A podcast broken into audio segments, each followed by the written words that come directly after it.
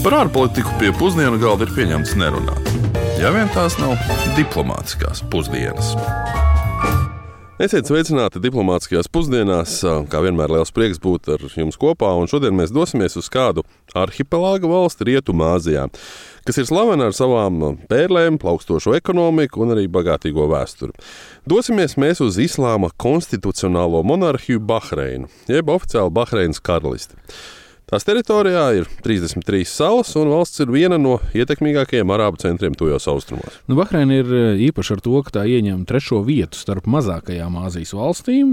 Vienīgās divas, kas ir mazākas par Bahreinu, ir Singapūra, kas ir pilsētu valsts, un kuras, starp citu, tuvākajos raidījumos drīz apskatīsim, un Maldīvu salas, kuras jau apskatījām. Um, tādēļ, lai gan sākotnēji Bahreina bija 33 salu arhipelāgs, uh, plašie zemes uh, uzbēršanas un salu būvēšanas projekti ir palielinājuši salu skaitu līdz pat 80. 74. Jā, pusotra miljonu iedzīvotāju nelielās valsts nosaukums nāk no arābu vārda Al-Bahrain. Saknes vārds Bahra nozīmē jūra, Bahreina ir tā, nu, tāda divējāda forma. Proti, burtiskais tulkojums ir divas jūras, un tas attiecas uz ūdeņiem, kas ieskauj valsti. Un tas ir interesanti arī tādēļ, ka Bahreinā nav upju, ezera vai strautu. Nu, faktiski vairāk nekā 90% valsts teritorijas ir tūkstnes. Un, rezultātā Bahreinā ir arī viszemākais saldūdens krājums pasaulē un valsts iegūst ierobežotu gruntsūdeņu daudzumu no Dāmāmas ūdens nesējas slāņa.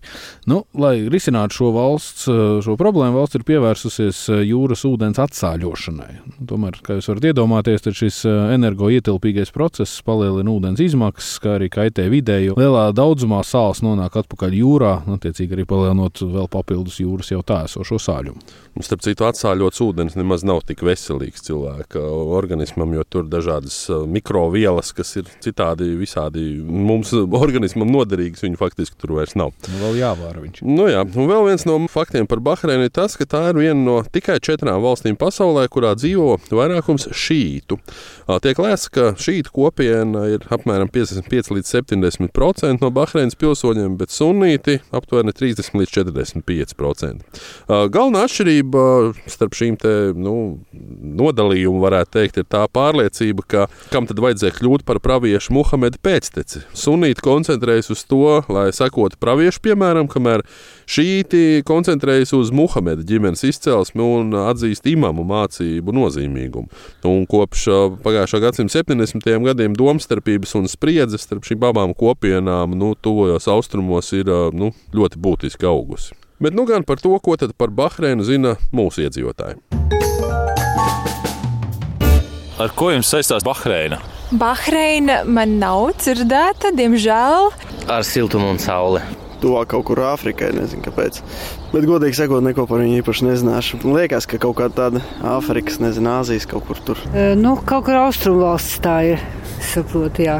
Man tā uzreiz nenāk nekāda īpaša ne negatīva, ne pozitīva emocija. Ar arābu kultūru varbūt, jā. Arābu valsts visticamāk eksotisks nosaukums, bet tiešām, manuprāt, ka tur valdnieks valsts vadītājs ir sultāns, manuprāt, bet es neesmu pārliecināts.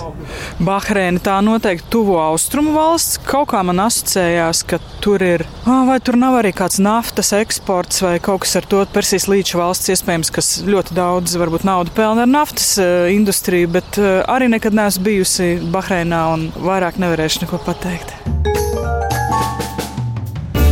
Pirms stāstīt par Bahreinu mūsdienās, gribētu droši vien ātri pieminēt, ka atklājuma laikmetā tieši portugāļu jūrnieki pārņēma kontroli pār Bahreinas teritoriju. Un, 16, eh, nu, tas notika 16. gadsimtā, un tas bija uz 80 gadiem. Un 80 gadus tie pārvaldīja konkrēto teritoriju. Nu, Portugāļi tomēr nebija tas nozīmīgākais politiskais spēks Bahreinas vēsturē. Šī valsts vairāk ir zināma ar to, ka vairāk nekā 200 gadus to pārvalda viena ģimene. Jau kopš 1783. gada Al-Halifa ģimene tā ir tā valdošā. Un šīs ģimenes locekļi no Utubu cilts iekaroja Bahreinu no savas bāzes Zubarā, kas ir tagadējā Katara, un faktiski tika padzīti persieši. Jā, mūsdienās Al-Khalifa ģimenes locekļi ieņem nozīmīgas amats valdībā, un pat valsts premjerministrs Salmans Bin Hamāts Al-Khalifa ir no Al-Khalifa ģimenes, nu, ko jau arī viņa vārdā var redzēt. Kas ir interesanti, tad Al-Khalifa ģimene ir sunīta, tādēļ līdz šim dihotomija starp sunītu valdniekiem un valsts vairākumā esošajiem šīta iedzīvotājiem ir veicinājusi valsts ilgstošo nelīdzsvarotību reliģiskajā un kultūras plāksnē. Nu, cilvēku valodā runājot, tad uh, šis uh, šīta vairākums uh, nu, jau sen ir sūdzējies par Al-Halifas ģimenes nu, īstenot diskrimināciju gan arī visos dzīves aspektos, gan reliģijas, gan sociālajā, gan politiskajā, kultūras tiesību jomā. Nu, tas arī, kā jau arī varēja noprast, izraisa spriedzi pret karalisko ģimeni, valdību. Pēdējā laika varbūt tā visievērojamākā bija visai neveiksmīgā sacelšanās 2011. gadā. Jā, nu, protams, ka uz Bahreina ietekmi ir atstājušas arī daudzas daudz citas pasaules koloniju valsts, ne tikai Portugāla. Un, respektīvi, Bahreina ir arī bijušais Britu protektorāts.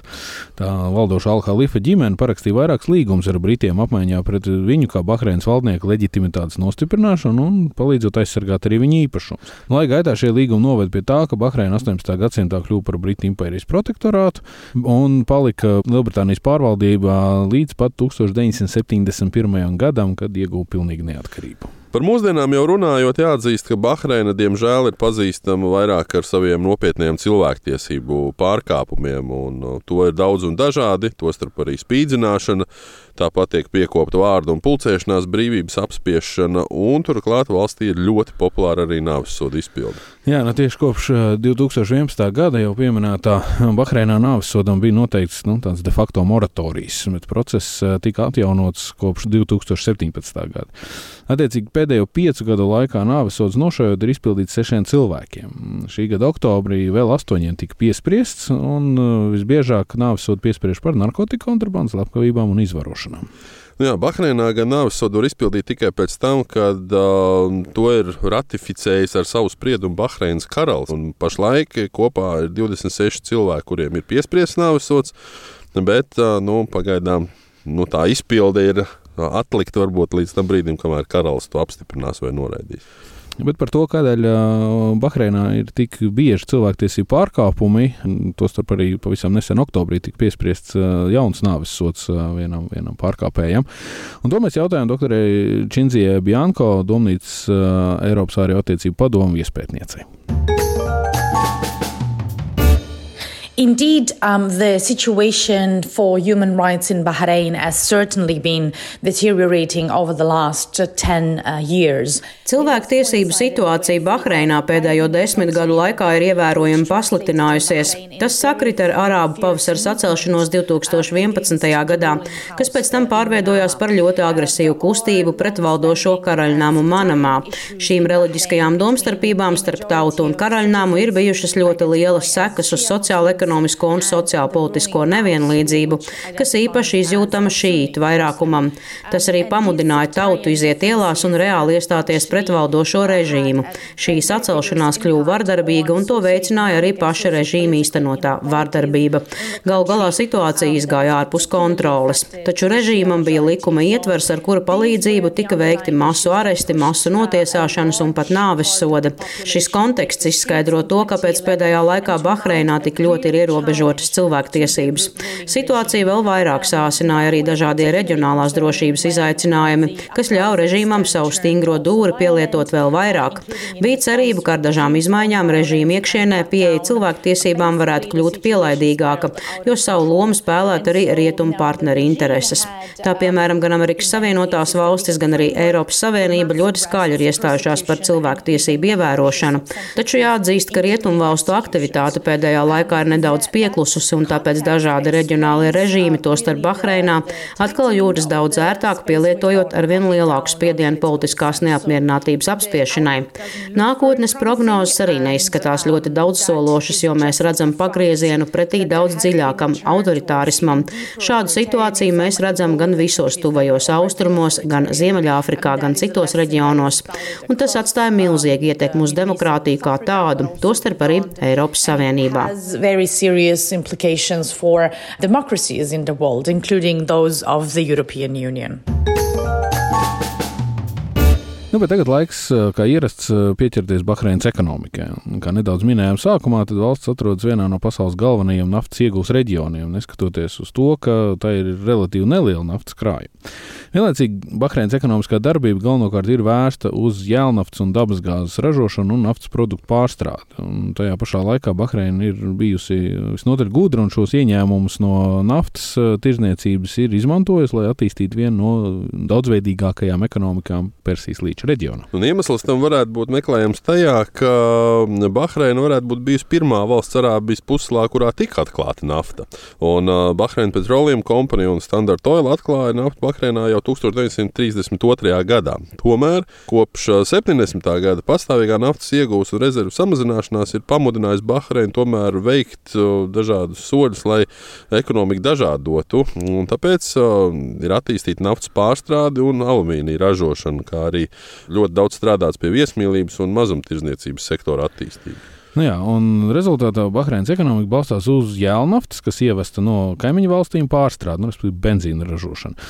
Tā rupji izsakoties. Un pēdējā laikā ir ievērojami attīstījusies arī finanšu, komercpakalpojumu un sakaru nozara, kā arī, protams, turisms. Valsts ir arī centusies kļūt par vadošo reģionālo banku centru, īpaši attiecībā uz uh, islāma finansēm. Attiecīgi, islāma bankas ir īpaša kategorija finanšu pasaulē. Un, uh, neskatoties uz to, valsts valsts IKP uz vienu iedzīvotāju, starp citu, pēc pirktspējas paritātes ir tikai apmēram par 10 tūkstošiem lielāks nekā Latvijas, un tas ir 42 tūkstoši eiro uz vienu cilvēku. Nu, vienlaikus Bahreinas ekonomika, tāpat kā pārējā reģionā, ir cieši saistīta ar jēlnaftas cenu svārstībām pasaulē. Tomēr šī ietekme ir daudz mazāka salīdzinājumā ar citām valstīm iemesls jau mēs tikko minējām. Kādas tad ir tās citas nozares, tad um, lauksaimniecība, piemēram, ir tikai uh, aptuveni 3% no visa nacionālā koprodukta, un tas droši vien saistīts ar tiem 90% tūkstnešu. Kā jau ir noprotams, tad lielākā daļa Bahreinas pārtikas tiek importēta. Lauksaimnieciskā ražošana apmierina dažas varbūt tikai vietējās vajadzības, nu, daļu dārzeņu, piena produktu. Un, un, un iemesls ar tas ir ļoti elementārs, uh, proti tikai nepilni 3% no Bahreinas teritorijas vispār ir izmantojama lauksaimniecībai. Nu, ūdens te nav. nu, tieši tā, jā. Starp, nu, meliorācijas projekti jau arī ir, bet nu, viņi, protams, neatrisina šo pārtiks ražošanas problēmu. Bet, starp citu, ir interesants fakts. Bahreinā reiķinot uz vienu iedzīvotāju ir lielākais elektroenerģijas patēriņš Āzijā un vispār trešais lielākais pasaulē. Vienīgās divas valsts, kas it kā patērējot vairāk elektroenerģijas, ir Islanda un Norvēģija. Nu, citi gan, protams, teiks, ka primārais patērētājs ir ASV, bet nu, tur ir, netiek reiķināts laikam uz vienu iedzīvotāju. Bet, nu, rezumējot, Bahreinas ekonomika raksturo tās daudzveidīgums un moderna integrēta infrastruktūra. Nu, valsts cenšas panākt ekonomisko brīvību kā strateģisku iespēju, lai veicinātu iekšzemes un arī ārvalstu ieguldījumus un stiprinātu savu pozīciju kā ievērojamu finanšu un turismu centru tuvajos austrumos. Lai cik būtu paēdis, vienmēr ir vieta arī desertam. Nu, tagad laiks ir pienācis arī desertam, un šodien parunāsim par ko visnotaļ pretrunīgu. Proti, Bahreinu un tās galvaspilsētu sauc par tuvu austrumu Lasvegas. Viens no savdabīgākajiem faktiem par Bahreinu ir tas, ka to var raksturēt kā dīvainu, liberālu anomāliju, kas atrodas vidū vienam no konservatīvākajiem planētas reģioniem. Bahreinā ir gan atrodami, gan arī atļauti tādi netikumi kā dzeršana, prostitūcija, azartspēles, nu, kas, protams, īstenībā nepiedienas islāma kultūrai. Bet um, līdz ar to Bahreinas galvaspilsēta manam ir iegūsi tādu grēku pilsētas reputāciju. Alkohols manamā ir likumīgs, bet, lai gan uh, prostitūcija tehniski nav likumīga, tā tomēr tiek uh, īstenot diezgan uh, lielā līmenī. Un seksa un turisma nozara sniedz ienākumus, ko lielā mērā nodrošina arī pārtikušie Bahreinas klienti. Nu, tādēļ augstas klases meitenes no visas pasaules dodas uz Bahreinu, cerot sapelnīt naudu relatīvi vieglā un ātrā veidā. Jā, un kā varat iedomāties, tad nedēļas nogalēs, uh, piemēram, no tās pašas Saudārābijas tūkstošiem bagātu iedzīvotāju pulcējas apmēram 25 km garajā King Fahad Causeway, lai meklētu stimulētu augstas klases iepirkšanos, rosīgu nakts dzīvi, lētas viesnīcas, izsmalcināts ēdiens un visdaudz un dažādākos rietumu valstu priekus. Starp citu, par rietumu valstu priekiem runājot, Bahreina 1976. gadā legalizēja homoseksuālās attiecības. Nu, ierobežojums gan pastāv uz to publisku izrādīšanu. Nu, un uz šī fakta, un šī fakta kontekstā mēs varētu teikt, ka nākamajā nedēļā mēs analizēsim iespējams konservatīvisma centru Eiropā. Ne tikai Eiropā, varbūt visā pasaulē. Proti, mēs nākamajā nedēļā, kā jau pirms Ziemassvētkiem, nāks, analizēsim Vatikānu. Atgādināšu tikai, ka nākošais raidījums uh, jau pēc nedēļas, bet uh, citi klausāmi podkāstu veidā, gan Latvijas radio mājaslapā, gan citās mūzikas straumēšanas vietnēs. Vēl tikai piebildīšu, ka šo raidījumu palīdzēja veidot Ulris Čezveris, Aleksandra Palko. Bet līdz tam, lai izdevusies nedēļa. Uz sadzirdēšanos! Diplomātiskās pusdienas katru otrdienu pusdienos Latvijas Radio 1.